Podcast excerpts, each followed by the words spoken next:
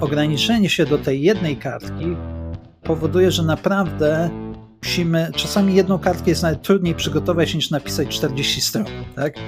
Bo mm -hmm. naprawdę musimy się zastanowić, jakie trzy największe są problemy, jakie dwa największe wyróżniki będą, jakie podstawowe kanały będą dla nas, jakie będą najważniejsze ryzyka i kategorie kosztów. Jak sobie mhm. piszemy taki plan, to, to sami się nim nudzimy, tak? No bo tam mhm. wpiszemy wszystko. I to jest też bardzo łatwe do komunikacji, zarówno z ludźmi, którzy potencjalnie będą naszymi e, wspólnikami w tym przedsięwzięciu, albo inwestorami. To również jest coś takiego, co nam pozwala na przykład e, szybko o tym pomyślę opowiedzieć w mediach, albo opowiedzieć e, potencjalnym klientom. A 40-stroniowego biznesplanu no raczej tak szybko nie opowiemy. Cześć. Nazywam się Tomek Miller, a to jest podcast Kaizen Miracle. Małymi krokami od pomysłu do zysku. Ten podcast tworzę dla przedsiębiorców i tych, co chcą nimi zostać. Chcę, żebyś korzystając z zamieszczonych treści małymi, średnimi lub dużymi krokami dużo szybciej niż dotychczas osiągał swoje cele biznesowe i prywatne. Kaizen Miracle jest programem bezpłatnym jeżeli podobają Ci się zamieszczone treści, to możesz zostać patronem tego podcastu. Za każdą wpłatę serdecznie dziękuję. Pozwala mi to na spokojne odłożenie innych spraw po to, żeby skupić się na tym, żebyś co tydzień dostał kolejną porcję wiedzy.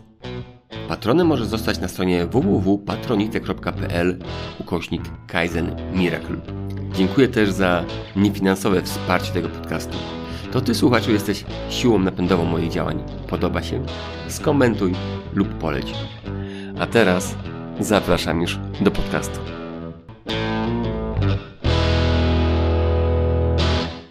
Cześć. Kto nie chciałby mieć firmy, która będzie dawać stabilny dochód i do tego bez ryzyka inwestycji? Większość młodych firm pada w ciągu dwóch lat od powstania. Takie są niestety przerażające statystyki. Okazuje się, że są jednak nowoczesne metody, które ryzyko porażki zdecydowanie minimalizują. Dziś już nawet biznesplan można zrobić na jednej kartce papieru.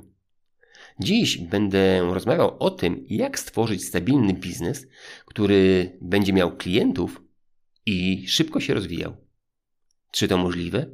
Zapraszam do rozmowy z Marcinem Kolczyńskim. Cześć Marcin. Przedstaw się proszę w dwóch zdaniach. Cześć Tomek. Mam parędziesiąt lat doświadczenia w biznesie. Jako doradca biznesowy, szef strategii, pracowałem w takich firmach jak Telekomunikacja Polska, T-Mobile, Deloitte i Accenture. Od kilku lat jestem niezależnym konsultantem i pomagam firmom, zarówno tym dużym, jak i małym, odnaleźć się w świecie szybko zmieniającym się, gdzie czarne łabędzie, takie jak pandemia, nas atakują z każdej strony. Pomagałem e, tym firmom dostosować swoje modele biznesowe i właśnie e, też czasami tworzyć startupy, zdobywać e, środki na rozwój. Super. Marcin, widzę, że masz olbrzymie doświadczenie, ale chciałem tutaj dzisiaj porozmawiać na temat startupów. Powiedz mi, czy można rozpocząć biznes z gwarancją sukcesu? Wiesz, gdyby można było, to pewnie firmy ubezpieczeniowe sprzedawałyby gwarancje ubezpieczenia, tak samo banki. Tak? No, e, raczej nikt czegoś takiego nie robi. Powodów jest oczywiście kilka. Natomiast no, to, co może jest pocieszające, to jest bardzo dużo wiedzy i bardzo dużo pomocy dla startujących firm. Ja jestem mentorem w takich programach dla startupów i staramy się właśnie metodyczne podejście zaproponować, żeby to ryzyko ograniczyć to powiedz mi, w jaki sposób to ryzyko można ograniczyć? Bo według statystyk większość firm po dwóch latach pada. Co zrobić, żeby być tą firmą, która przetrwa nie dwa lata, a pięć albo dziesięć, albo jeszcze dłużej?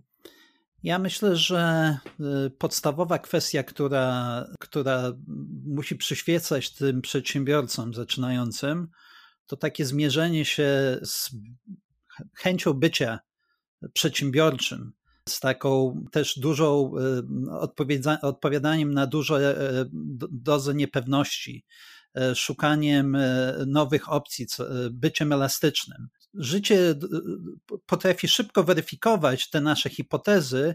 Wielu początkujących startuperów, przedsiębiorców mówi: Mam świetny pomysł, i bardzo się gubią w tym swoim pomyśle, a wydaje mi się, że brakuje im właśnie takiego szybkiego konfrontowania się z rynkiem. No i do tego między innymi służy metoda Lean Startup, która e, pozwala i zmusza w zasadzie przedsiębiorców do szybszego konfrontowania się z rynkiem. Mhm. To powiedz tak, jak konfrontować się z rynkiem, żeby to ryzyko było jak najmniejsze? E, przede wszystkim e, należy mieć te pomysły określone, spisane, trzeba y, zacząć od tego, dla kogo chcemy dostarczać nasze rozwiązanie, zastanowić się, czy te mm, osoby, te firmy rzeczywiście poszukują rozwiązania jakiegoś swojego palącego problemu i zacząć takie hipotezy y, systematyzować sobie. Mhm. Dobrze, to powiedz mi, Myślę, że dla nie, dla nie każdego będzie to oczywiste. Co to znaczy stworzyć hipotezę? No, hipoteza to jest, e, można powiedzieć, stwierdzenie. Uważam, że klienci, gdyby mieli szansę, kupowaliby więcej ekologicznego jedzenia. Kupują go mało mhm. ze względu na to, że i tu pewnie są jakieś problemy, tak? A to mhm. cena, a to dostępność, a to e, jakaś niepewność e, co do jakości produktów, tak? Czyli stawiamy mhm. sobie, stawiamy sobie jakieś, jakąś właśnie tezę, którą będziemy w trakcie rozwijania naszego e, przedsięwzięcia rozwiązywać. Właśnie ten mhm. problem. Dzięki, dzięki właśnie podejściu takiemu linowemu jesteśmy w stanie szybko uczyć się czy rzeczywiście klienci są z takim problemem skłonni się konfrontować. Okej, okay, czyli owszem, na początku możemy mieć pomysł na swój produkt, mhm. ale najważniejsze jest to, żeby sprawdzić, czy ten produkt będzie miał klientów po prostu, tak? Tak. Obserwując e, firmy, które e, właśnie są może w tej, tej grupie firm, którym nie do końca się udaje, widzę taki opór, aby szybko wychodzić na rynek i e, rozmawiać z rynkiem. One myślą, że naprawdę wpadły na coś świetnego. Często też nie przyglądają się, nie robią takiego dobrego sprawdzenia, czy może już ktoś tym tematem się nie zajmuje. No i przez ileś czasu zamykają się w swoim takim bunkrze jakby startupowym.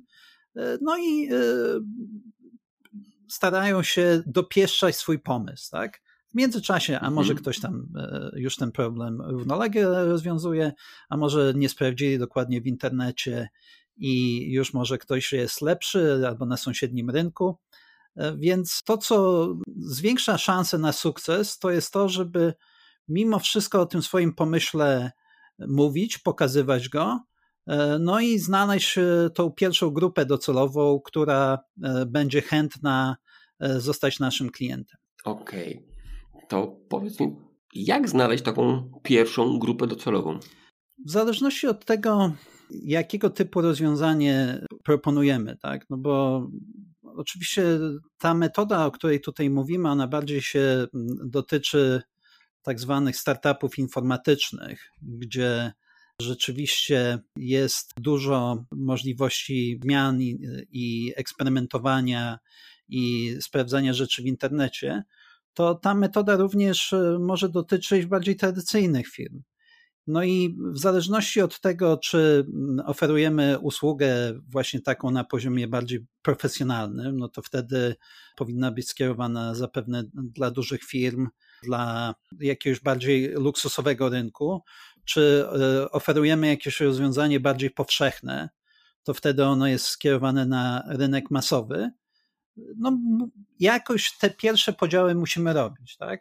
A później, no, to musimy jeszcze popatrzeć na to, czy może to jest rozwiązanie bardziej dla kobiet, dla mężczyzn, dla osób starszych, dla młodszych, dla osób z rodzinami, dla ludzi niezależnych, młodych, e, nieobciążonych, mających dużo wolnego czasu. Tak?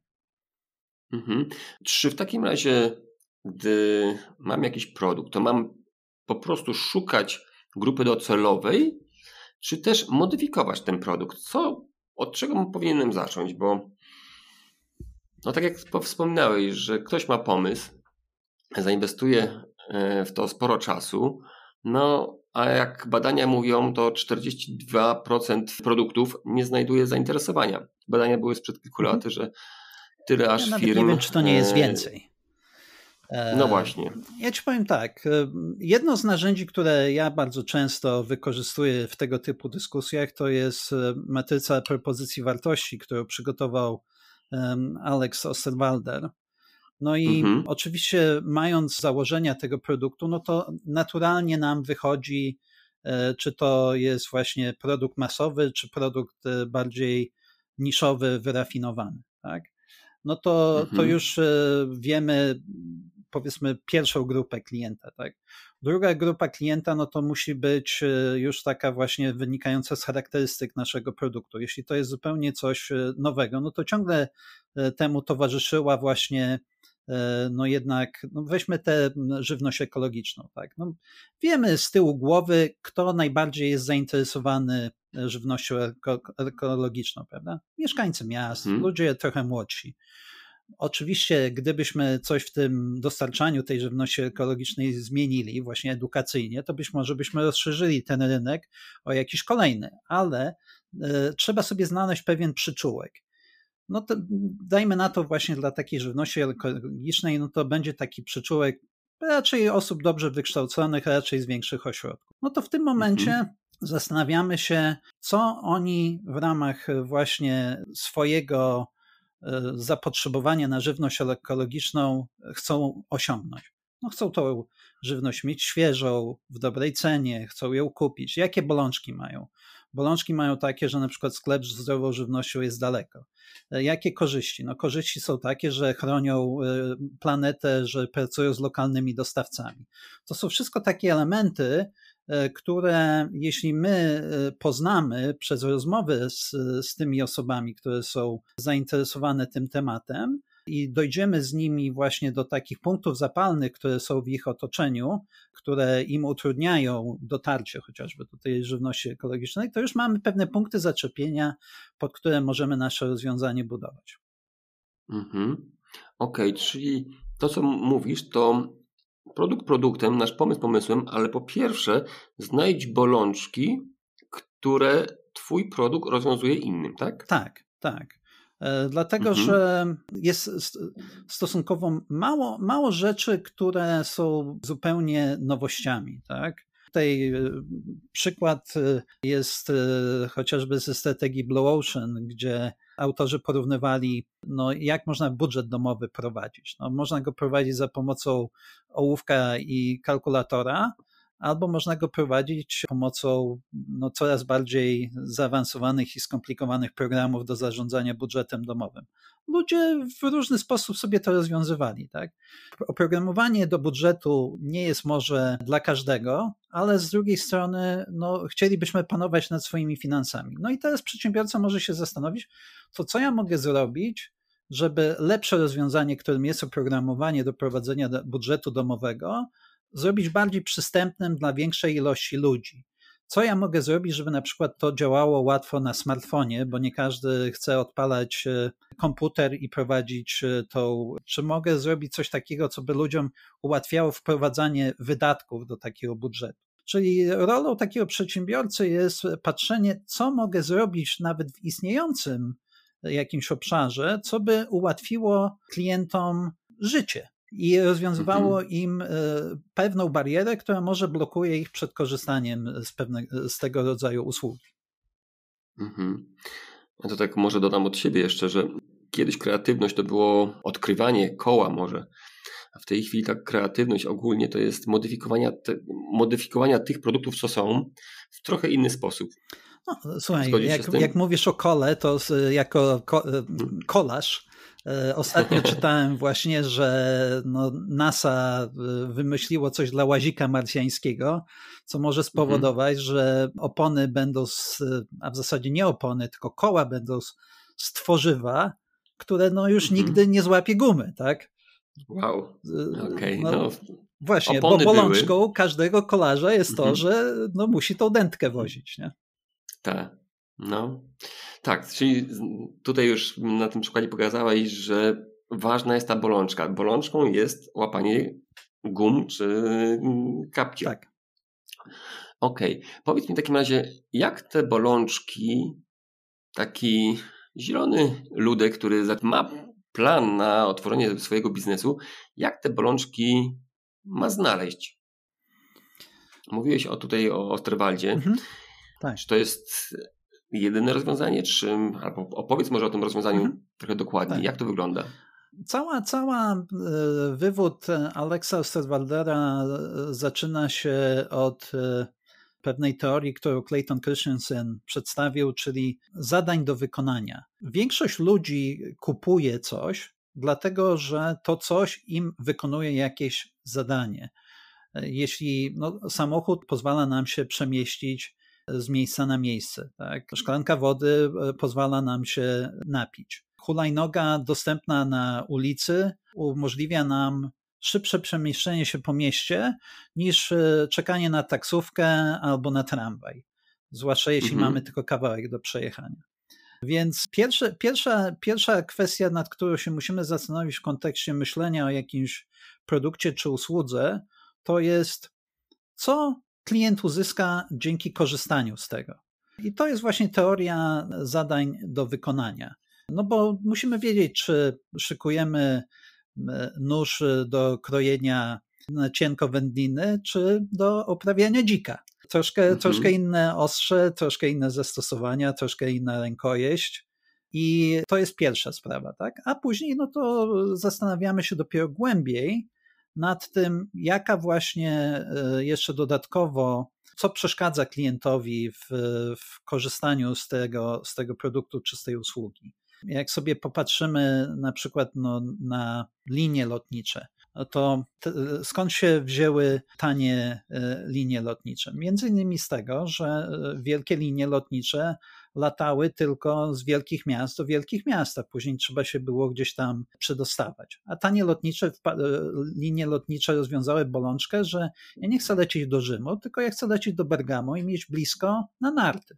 A później jeszcze okazało się, że one na przykład lądują taniej w tym Bergamo, nie ma tłoku na tym lotnisku, także jeszcze dodatkowe korzyści dla nich się pojawiły z tego, ale no, chociażby, tak? Ktoś wpadł na pomysł, no, mhm. ktoś nie chce latać z wielkiego hubu, tak zwanego do wielkiego hubu. Jeszcze aspekt taki, który mm, możemy tutaj eksploatować, zastanawiając się nad nowym pomysłem, to jest aspekt emocjonalny takich korzyści. No właśnie, wracając mhm. do tego przykładu żywności ekologicznej, no to no, jednym z głównych powodów, dla których w ogóle szukamy tego typu e, sklepów, dostawców, no to to, że uważamy na przykład, że wielkie, wielcy producenci żywności trują ziemię, a mamy nadzieję, że ci bardziej ekologiczni postępują zupełnie inaczej i w związku z tym no, chronimy świat e, przed, przed zagładą. Tak? Mhm. E, więc to są e, wszystkie te rzeczy, to one nie tylko służą do tego, żeby szlifować jakby nasz produkt, ale również one są bardzo przydatne później w komunikacji korzyści do klienta, dlatego że powiedzenie ja rozwiążę tą bolączkę albo zobacz, dzięki mojemu produktowi będziesz taki fajny, to jest tym czymś, co właśnie może tworzyć tą nasz, ten nasz unikalny wyróżnik, coś takiego, co inna firma nie ma. Mhm. Czyli szukając tego naszego pomysłu na biznes, po pierwsze mamy poszukać tych bolączek, które bolą mhm. klienta, i to mogą być różne. Ten, może być ten aspekt też emocjonalny, czy mówisz, że e, z jakichś powodów ten, ten produkt jest dla kogoś ważny i później dopasować ten produkt do tej grupy odbiorców, którzy mają takie wartości, jakie chcemy sprzedać, tak? No tak, to jest pewno ważne na samym początku, e, dlatego że na, na samym początku szukamy tak zwanych early adopters, wczesnych, mhm. wczesnych użytkowników, tak?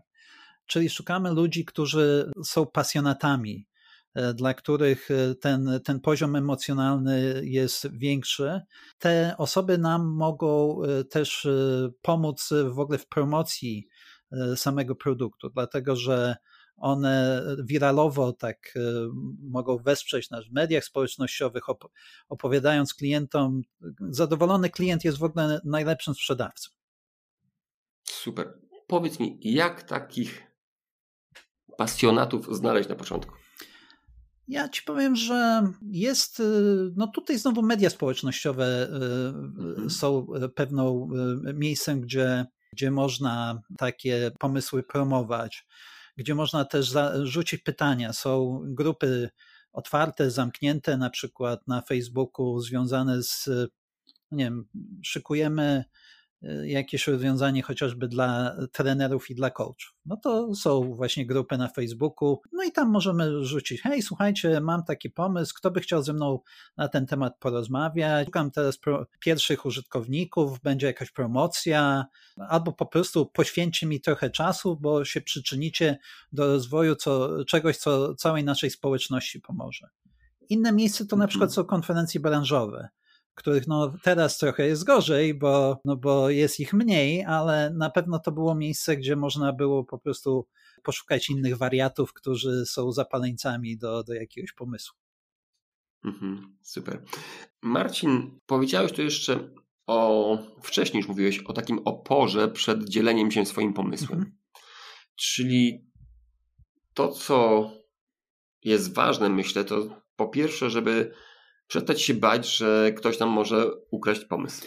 Tak, ja rozmawiam z mniej i bardziej doświadczonymi startupowcami, ale również przedsiębiorcami, e, takimi mhm. bardziej tradycyjnymi, którzy mówią: Słuchaj, wymyśliłem coś rewelacyjnego, tylko żeby się pojawił jakiś inwestor, który by to sfinansował, bo ja tak sobie estymuję, że bańka i, i jedziemy. Tak? Mhm. A prawda jest taka, że doświadczeni inwestorzy, oni patrzą na to, oczywiście patrzą przez pryzmat, czy, czy dany produkt jakiś e, ma potencjalnie sens, czy może ktoś już e, gdzieś coś podobnego robi, co czasami jest korzystne, bo waliduje, że jest popyt e, na dane rozwiązanie. No a czasami może mówisz, że no, czy oby na pewno chłopie chcesz odpalać kolejną sieć społecznościową i walczyć z gigantami z Ameryki, z Chin i jeszcze nie wiadomo skąd. Mm -hmm. Więc e, kwestia e, związana z, właśnie z pomysłem jest taka, że pomysł, e, zakładając nawet, że on rzeczywiście rozwiązuje pewien problem i że już sprawdziliśmy, że ten problem rzeczywiście jest bolesny dla, dla klienta i on by chciał zapłacić za jego rozwiązanie, to od tego pomysłu i od tego pomysłu, w jaki sposób można było rozwiązać, do egzekucji takiego pomysłu jest daleka droga. I najważniejsze w byciu takim właśnie nowoczesnym przedsiębiorcą to jest to, żeby stworzyć wokół tego pomysłu mechanizm dostarczenia go na rynek, a na ten mechanizm się składają zespół, jakaś e, strategia właśnie dotarcia do klienta, jakieś e, podejście do tego, jak będziemy nazywać ten produkt, jak go będziemy e, promować. Tu mi się wydaje, że jest największe pole do popisu. Oczywiście no, pomysł sam w sobie musi być e, dostatecznie atrakcyjny, e, Natomiast no, za tą kartkę papieru z tym biznesplanem to jeszcze nikt miliona nie, nie dał pomysłodawcy. Mhm. Okej. Okay. Słuchaj, czyli to, co mówimy cały czas, to polega na tym, żeby nie tworzyć od razu produktów, tylko po pierwsze sprawdzić ten nasz pomysł, czy on będzie miał odbiorców. Znaczy, musimy wszystkie te rzeczy w miarę równolegle robić, tak? No bo możemy, możemy oczywiście pewne, pewne rzeczy prototypować, natomiast y, ta cała metoda związana z Lean Startupem, ona polega na tym, żeby odpowiednie rzeczy robić w odpowiednim czasie, tak? No na pierwszy ogień twórcy Lean Startupu proponują to, żeby rozmawiać z klientami, rozpoznawać ich potrzeby, bo z tych rozmów wynikają dodatkowe bolączki, o których e, może nie do końca żeśmy pomyśleli wcześniej. słysząc o takiej bolączce, możemy się zastanowić, Hmm. No jeśli najczęściej ci właśnie ludzie ekologiczni wspominają o tym, że im zależy na tym, żeby ten produkt był lokalnie dostarczany, no to wtedy, wtedy cały nasz nacisk będzie na to, żeby szukać lokalnych dostawców. Tak? Jeśli mówią o tym, że no, produkty są dla nich za drogie, no to wtedy, albo są nieświeże, bo za długo leżały gdzieś, no to wtedy usprawniamy jakieś elementy logistyki. E, czyli te pierwsze wywiady nam e, pozwalają zrobić taki lejek e, różnego rodzaju tematów, które powinniśmy potencjalnie zaadresować, i później dzięki właśnie pokazywaniu pewnego prototypu możemy zobaczyć. Zobaczcie, no mówiliście o tym i o tym. W naszym prototypie żeśmy zrobili to, to i to. Czy to jest coś, co powoduje, że mówicie tak, to jest dla mnie ciekawe? Okej. Okay. Marcin, powiedziałeś tu o rozmowach z klientami. Dawno, dawno temu już Ford powiedział, że gdyby ludzie w danych jego czasach chcieli pytać się to, co oni by chcieli, to chcieliby pewnie szybszych koni, a nie samochodów, bo w ogóle o tym nie wiedzieli, że coś takiego może istnieć. Jak się pytać klientów, żeby rozpoznać to, co oni potrzebują, bo to pewnie jest ta, ta rozmowa, to z każdym można rozmawiać, ale ta rozmowa pewnie musi mieć jakiś, jakiś szkielet, który pozwoli nam wyciągnąć od tych klientów to, co jest dla nich istotne, -hmm, prawda? Mm -hmm. To jak się ich pytać? Znaczy, no, na, na pewno nie pytać się o to, czy jest im potrzebny samochód, no bo spędzimy mm -hmm. godzinę na tłumaczeniu, że jakaś e, tam para, bucha, cztery koła, ktoś będzie biegł z chorągiewką przed tym e, samochodem i y, no, natomiast y, no, jeśli, jeśli Henry Ford by stosował Lean, no to pewnie by się zastanowił, co ludziom najbardziej przeszkadza w podróżowaniu, tak? E, mhm. Również, e, również konno. No pewnie by się zastanowił, że na koniu to, e, to, to mógłby usłyszeć, że no, na koniu to pojedynczo się jeździ, a ja bym chciał, chciał z kimś jeździć, tak? No to już by wiedział, mhm. że że fajnie by było, gdyby to było y, wieloosobowe, tak? Jakby zapytał się, no co jeszcze przeszkadza? No pogoda pada, no to y, mhm. deszcz pada, to, to, no to, że fajnie by było, gdyby to coś miało dach, no, że tego konia trzeba karmić, no to co by zrobić, żeby to coś, y, że tak powiem, nie musiało być tak często karmione. I w, i w ten mhm. sposób właśnie by dochodził, czyli rozmawiając z klientami o problemach, które e, towarzyszą temu zadaniu, które mają e, do wykonania. I e, w ten sposób, w ten sposób dopiero, gdyby usłyszał, mhm. że, że, że tak powiem, ludzie nie chcą jeździć razem, że dwa siedzenia są mhm. niepotrzebne, to może wymyśliłby motocykl zamiast modelu T. Mhm. Okej, okay. ale wiesz co, mówiłeś o tej żywności ekologicznej, to powiedz mi, co byś się spytał takich potencjalnych klientów, pytając się właśnie, czy ta żywność ekologiczna byłaby dla nich? Jak sprawdzić, co ludzie potrzebują, jeżeli chodzi w kontekście tej żywności ekologicznej? Wiesz, no, w kontekście żywności ekologicznej to należałoby się po pierwsze spytać całą ścieżkę, e, która e, towarzyszy temu korzystaniu z tej żywności, czyli gdzie szukają informacji o żywności ekologicznej, jakie pytania im powstają podczas tego, co, co o tej żywności chcieliby wiedzieć. Później, no, jak sobie szukają oferty na rynku, tak? Czyli czy po prostu błąkają się po sklepach, czy szukają w internecie czy nie wiem, dowiadują się od znajomych e, o tym, że gdzieś jest na bazarze jakieś fajne stoisko. Czyli e, drugi element to jest w ogóle dystrybucyjny, tak? No i pewnie później dochodzimy do takich tematów, które no już są bardziej takie ekonomiczne i użytkowe. No, mhm. Jeden, że tak powiem, lubi wyszukane rzeczy egzotycznej i bo gotuje w jakiś e, egzotyczny sposób, a drugi chciałby schabowego z ziemniakami, tylko żeby to było z ekoświni i z ekoziemniaka, tak? Mhm. W związku z tym, no tutaj oczywiście jakaś tam e, później jest kwestia segmentowania e, tego klienta, bo nie jesteśmy w stanie zadowolić wszystkich, tak? No i gdzieś mhm. na samym końcu pewnie też jest jakiś aspekt cenowy. Czyli posługujemy się tutaj w pewnym sensie no, takim tradycyjnym schematem e, marketingowym, tak? czyli produkt, cena, promocja. Także mhm. to nie jest tak, że te, te nowe metody rozwijania e, powodują, że możemy odrzucić e, jakby stare metody prowadzenia biznesu i potępić się zupełnie w czambu.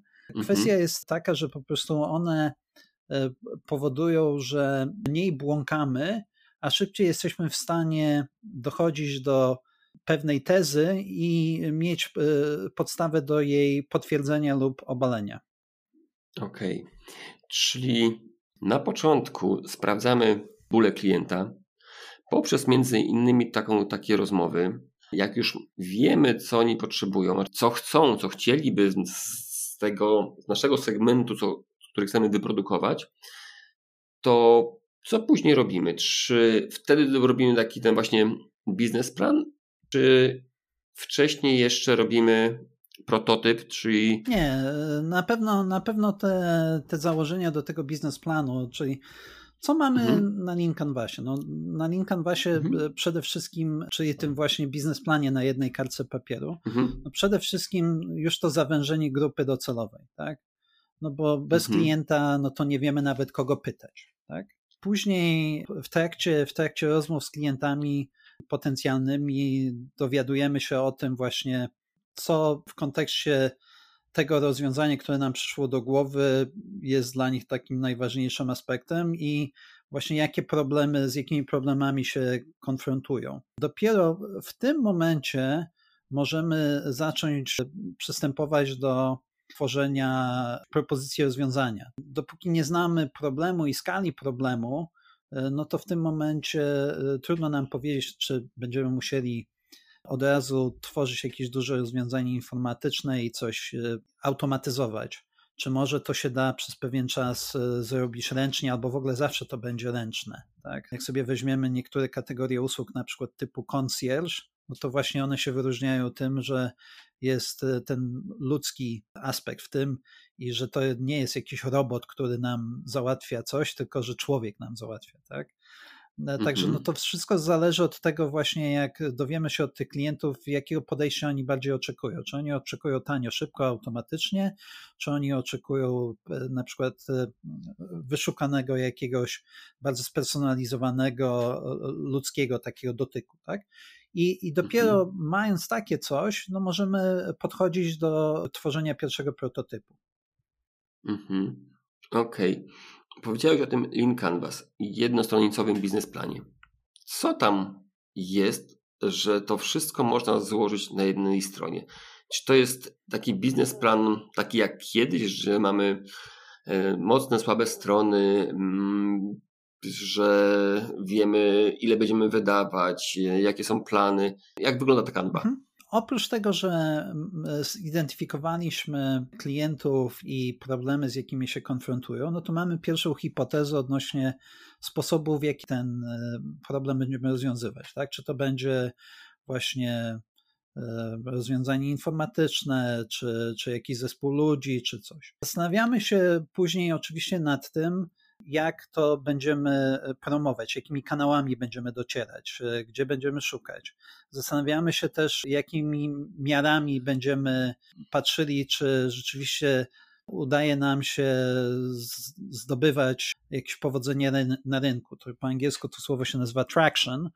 Traction to mhm. oznacza, że użytkownicy zaczynają korzystać z rozwiązania, że zaczynają nam się pojawiać pieniądze, że e, mamy ileś zmianek w mediach, e, że pojawiają nam się też jacyś pierwsi ludzie, którzy są zainteresowani na przykład porozmawianiem z nami o inwestycji. To są wszystko oznaki, że e, złapaliśmy jakiś przyczółek na tym rynku. Natomiast to, co jest wspólne dla Lean Canvasa i dla biznesplanu, no to kwestia finansowa. Tak? To znaczy, tym podejściu z jednej strony musimy się zastanowić, czy będziemy sprzedawać to w postaci jakiegoś modelu jednorazowego, czyli no tak jak na przykład wycieczki yy, jakieś turystyczne, no to są zazwyczaj jednorazowe zakupy, tak? Czy to będzie bardziej usługa abonamentowa, że możemy kogoś nakłonić na to, żeby związał się z nami na dłużej i po kawałku mu coś sprzedawać, no chociażby dostęp do, do muzyki, tak? Aczkolwiek mm. ostatnio też y, słyszałem o sprzedaży kawy na abonament. To znaczy, że co miesiąc mm. przyjeżdża kilo kawy y, i nie muszę się martwić o to, że mi kawy zabraknie, tak? Mm. no i czyli, czyli... No, mhm. last but not least, czyli koszty. W ogóle mhm. z czym, my, z czym my musimy wystartować, żeby ten e, pomysł nawet w tej najprostszej postaci wystartować, czyli czy potrzebne nam jest jakieś biuro, czy możemy działać wirtualnie, jak duży zespół musi z nami być na stałe, czy możemy kogoś po prostu pozlecać mu jakieś prace, czy musimy postawić własną serwerownię, czy jesteśmy w stanie w chmurze e, coś zrobić, czy musimy mieć środki na promocję marki, czy będziemy raczej mieć sprzedaż bezpośrednią, nie wiem, wykorzystywać LinkedIna, w związku z tym nie musimy robić kampanii masowych to są, to są e, wszystko rzeczy, które tutaj już zaczynają być trochę bardziej zbieżne pomiędzy tym biznes modelem na jednej stronie versus biznesplanem. To, co ja sobie cenię w tych e, e, planach właśnie lean canvasowych, to jest to, że ograniczenie się do tej jednej kartki powoduje, że naprawdę musimy, czasami jedną kartkę jest nawet trudniej przygotować niż napisać 40 stron, tak? bo mm -hmm. naprawdę musimy się zastanowić, jakie trzy największe są problemy, jakie dwa największe wyróżniki będą, jakie podstawowe kanały będą dla nas, jakie będą najważniejsze ryzyka i kategorie kosztów. Jak sobie mm -hmm. piszemy taki plan, to, to sami się nim nudzimy, tak? No bo tam mm -hmm. wpiszemy wszystko.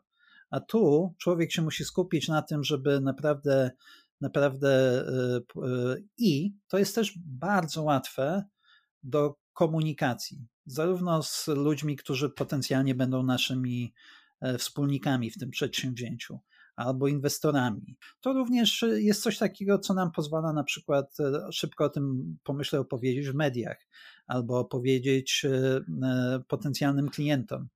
A 40-stronowego biznesplanu no, raczej tak szybko nie opowiemy. Mhm. Czyli zaletą takiego jednostronicowego biznesplanu jest to, że upraszczamy nasze myśli, kumulujemy to wszystko na jednej stronie. Dzięki temu będziemy mogli łatwiej przedstawić nasze pomysły innym, zarówno inwestorom, klientom, jak i tym, którzy są w ten biznes um, zaangażowani, tak? tak? Sam powiedziałeś, że to nie, nie do końca jest proste, tak, no takie skumulowanie tego. Okej, okay, to i co więcej, jeszcze wymaga, mhm. wiesz, iteracji, tak? Dlatego, że, ale znowu, no łatwiej mhm. się jedną kartkę iteruje, niż e, przepisuje od nowa 40-stronicowy dokument, tak? Okej. Okay. Iteracja, czyli? Bo nie każdy wie. E, czyli, e, czyli kolejna wersja, tak? No, jakie są mhm. przykłady tego? Wydawało nam się, że stworzymy tak zwane marketplace. Marketplace, mhm. E, czyli no, platformy e, wymiany. Kiedyś to się nazywało bazar, tak? Przyjeżdżali mhm. rolnicy, przyjeżdżali klienci, a ktoś brał placowe. No i teraz, mhm. no, jak tworzymy taki pomysł na taki marketplace, no to mamy parę sposobów zarabiania na tym, tak? Pierwsza nasza hipoteza może być taka, że będziemy brali pieniądze od sprzedających, tak? że oni nam będą płacić prowizję za to, że mogli się u nas pojawić. No ale się może okazać z jakiegoś powodu, że, że jest dużo podobnych miejsc, no ale za to na przykład możemy zrobić jakiś może wyróżnik dla naszych klientów. I w tym momencie zrobić coś takiego, że oni za sam dostęp do tak świetnego rynku, do tak świetnego marketplace'u będą nam płacili abonament za to, że w ogóle mogą na tym rynku e, coś kupować. Albo e, zaczniemy pokazywać tym ludziom, e, nie wiem, reklamy, czy sprzedawać jakieś inne towary przy okazji lub usługi. Tak? Także początkowo możemy powiedzieć, w tym momencie nie ma dobrego rynku, na którym można sobie na przykład znaleźć coacha no bo mhm. coachów jest bardzo wielu, nie za wiele wiemy o tych coachach, tak? No to mhm. gdybyśmy zrobili taki rynek coachów, no to w tym momencie coachowie e, by nam dawali prowizję od tego, jak znajdą klienta. No ale się może okazać, prawda, że to, to nie jest dla nich problem, natomiast, no nie wiem, ludzie, ludzie chcą przeglądać takie oferty i w związku z tym będziemy sprzedawać im jak już wejdą i zaczną szukać tego coacha, nie wiem, jakieś samouczki i, i kursy online. I, I to jest taki przykład kolejnego pojęcia, które tutaj w tym Lean Startupie się pojawia, to jest pivot. Pivot, czyli mhm. zawinięcie się w miejscu i pójście w drugą stronę. Mhm. Okej. Okay. Jeszcze podsumuję, czyli to, że zrobimy taki biznesplan na jednej kartce, to dodatkowo daje nam to, że możemy go szybko modyfikować. Mhm. I to, co teraz powiedziałeś, że możemy go na tyle modyfikować, że gdy widzimy, że coś nam nie gra i ta grupa docelowa nasza, czy nasz produkt jakoś nie ma szans, e, szans sukcesu, to wtedy możemy, tak jak powiedziałeś, zawinąć się, iść w drugie miejsce i zrobić taki biznesplan znowu na jednej kartce i znowu go sprawdzać, tak? Czyli to, co mocną stroną tego e, biznesplanu na jednej kartce jest to, że go bardzo często możemy, jak powiedzieć, iterować, mhm. czyli modyfikować, tak, nie? Tak, dokładnie tak. Dokładnie. Okay. Tak. I mhm. E, no, najlepiej by było, gdybyśmy oczywiście e, budowali już na pewnej wiedzy i na pewnych zasobach, e, które w tej wersji 1.0, 2.0 już przygotowali, tak? Czyli jeśli, jeśli w trakcie takiej pracy zbudowaliśmy pewną wartość, no to wtedy się możemy też zastanowić, dla kogo jeszcze dla kogo jeszcze będzie to cenny zasób. Przykładem jest, jeśli no nasz produkt przyciągnął bardzo dużo klientów, którzy się zarejestrowali i zostawili dane osobowe, natomiast no, z jakiegoś powodu wydawało nam się, że będziemy zarabiać e, na reklamach, a tych pieniędzy tych reklam nie ma tak dużo, no to w tym momencie możemy się zastanowić, dobrze, no jeśli to jest fajna grupa ludzi, no to czy jest ktoś taki, e, komu byśmy mogli zaoferować dostęp do tej bazy, po to, żeby oni na tej bazie zarobili. Mhm. Okej, okay, czyli właśnie te, co mówiłeś, te iteracje, modyfikowanie naszego pomysłu jest e, w tym Lean Startupie, w tej metodzie dość częste, mhm. tak? Czyli to, że nawet mamy na początku pomysł, który jest, wydaje nam się fajny, to na końcu on może wyglądać zupełnie inaczej, bo rynek będzie chciał trochę innego produktu niż nam się wydaje, tak? Tak, tak. No, e, mhm. ja wspomniałem tutaj w tej matrycy tego Lean Canvasu o tych miarach. Miary są e, bardzo istotne do e, śledzenia w, w takim nowym przedsięwzięciu. One powodują, że jeśli jesteśmy po pierwsze konsekwentni w mierzeniu, a po drugie szczerzy wokół, wobec siebie samych i innych członków zespołu, którzy, którzy pracują razem z nami, no to szybciej zmierzamy się z rzeczywistością i szybciej też możemy reagować. Ja to widzę wśród przedsiębiorców. Nie wiem, czy to jest tylko nasza taka typowo polska historia pod tytułem jakoś to będzie. Wchodzimy w jakieś przedsięwzięcie z pewnymi założeniami. Te założenia się nie spełniają i jest taka trochę tendencja do chowania głowy w piasek. Jeśli my tylko do, dołożymy jeszcze coś, jeśli tylko byśmy mieli troszkę więcej pieniędzy na reklamę, jeśli coś, a nie zadajemy sobie pytania, a może to się nie sprzedaje nie dlatego, że e, nie wiem, nie wydaliśmy dostatecznie dużo na reklamę, tylko dlatego, że okazało się, że jednak nie dopytaliśmy dostatecznie dobrze o to, czy ten problem rzeczywiście jest dla tego klienta na tyle bolący, że on będzie chciał za jego rozwiązanie zapłacić chociażby. Tak? Mówisz o tym, żeby to mierzyć. Mhm. Okej, okay, bardzo to jest ważne, ale jak mamy dziecko, nasze ukochane, to zawsze, zawsze staramy się go wyłagodzić. Nawet jak coś zbroi, to staramy się go usprawiedliwić. I z naszym produktem czy biznesem pewnie jest podobnie, że zawsze rzucamy, że albo za dużo, tak jak powiedziałeś, e, za mało reklamy, albo za, za mało czegoś. Kiedy powiedzieć sobie stop?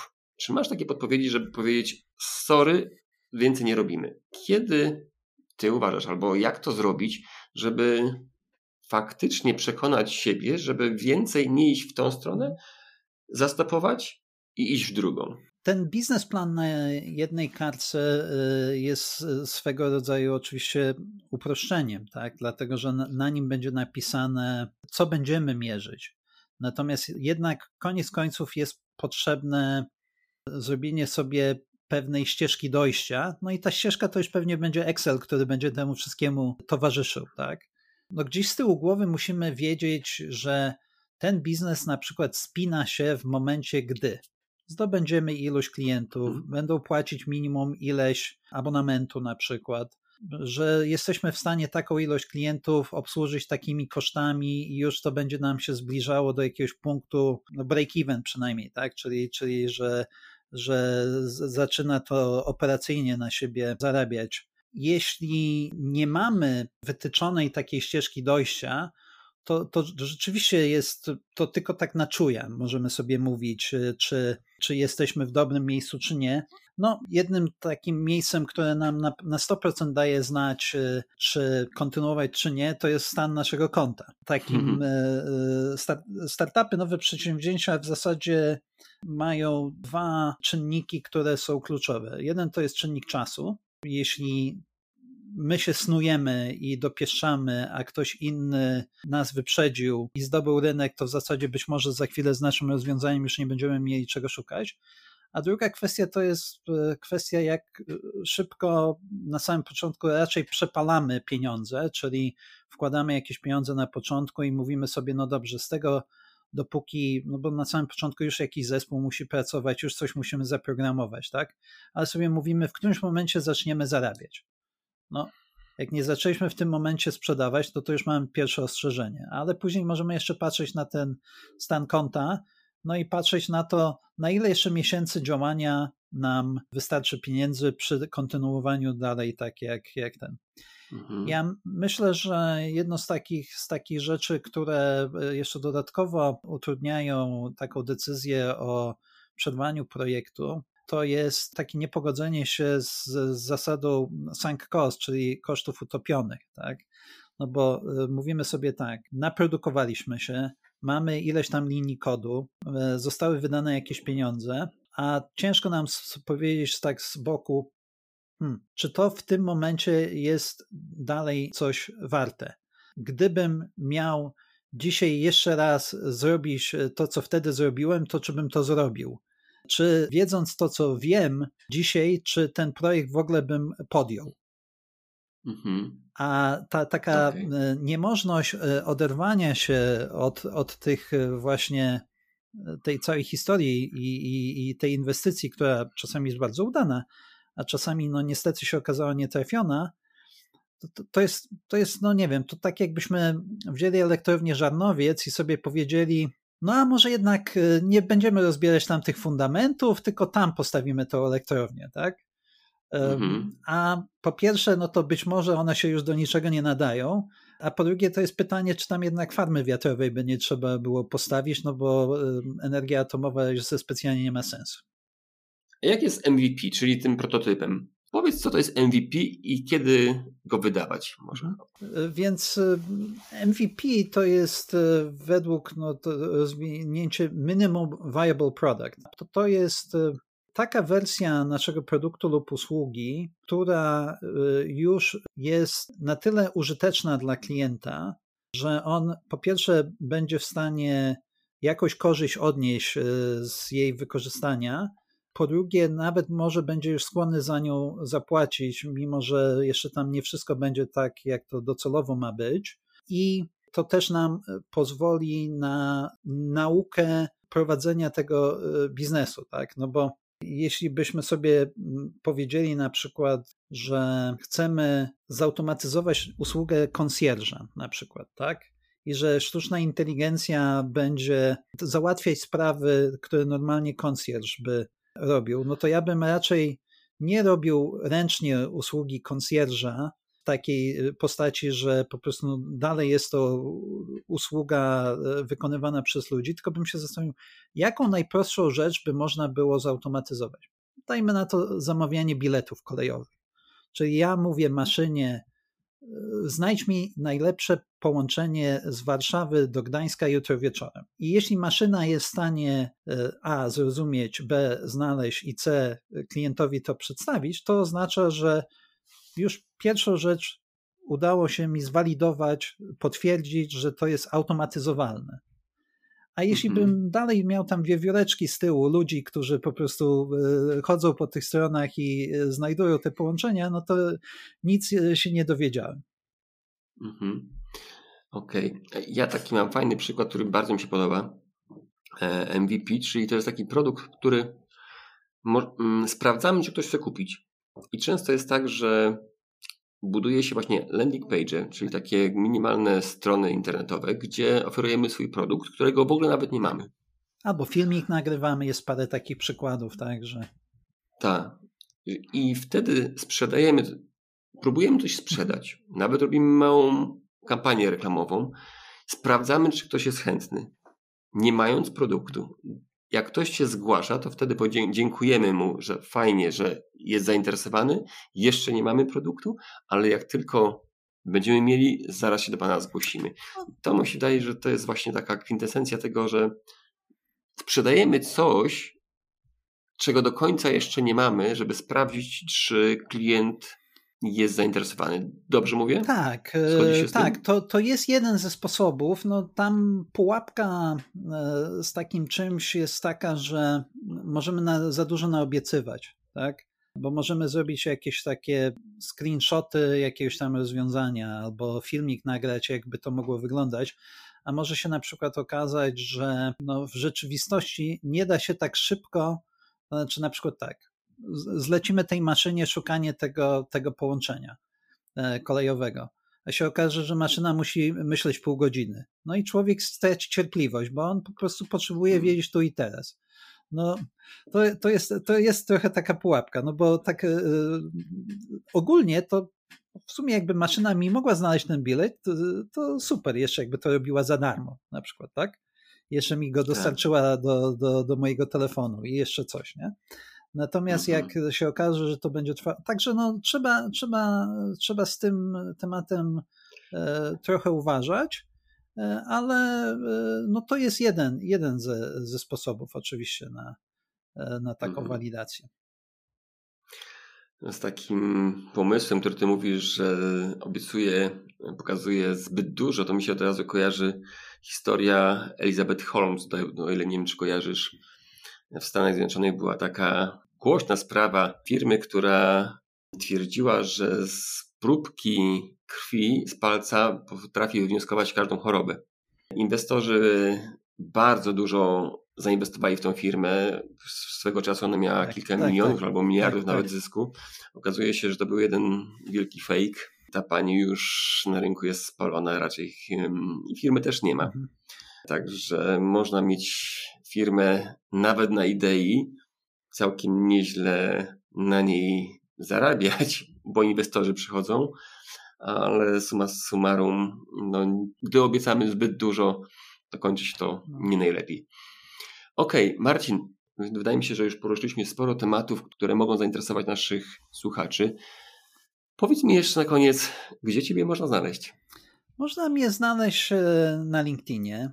E, można mnie znaleźć na www.advisory.box.com. To jest to nasza właśnie platforma dla, dla e, doradców biznesowych, którą tworzymy. I zapraszam e, oczywiście do kontaktu. Też jestem mentorem w takich programach jak Youth Business Poland czy MIT Enterprise e, Forum, e, gdzie startupy takie bardziej rozwinięte, troszkę z więcej niż troszkę więcej niż jedną kartką papieru się pojawiają i mhm. tam też tym firmom pomagam z tematami startupowymi, strategicznymi, rynkowymi.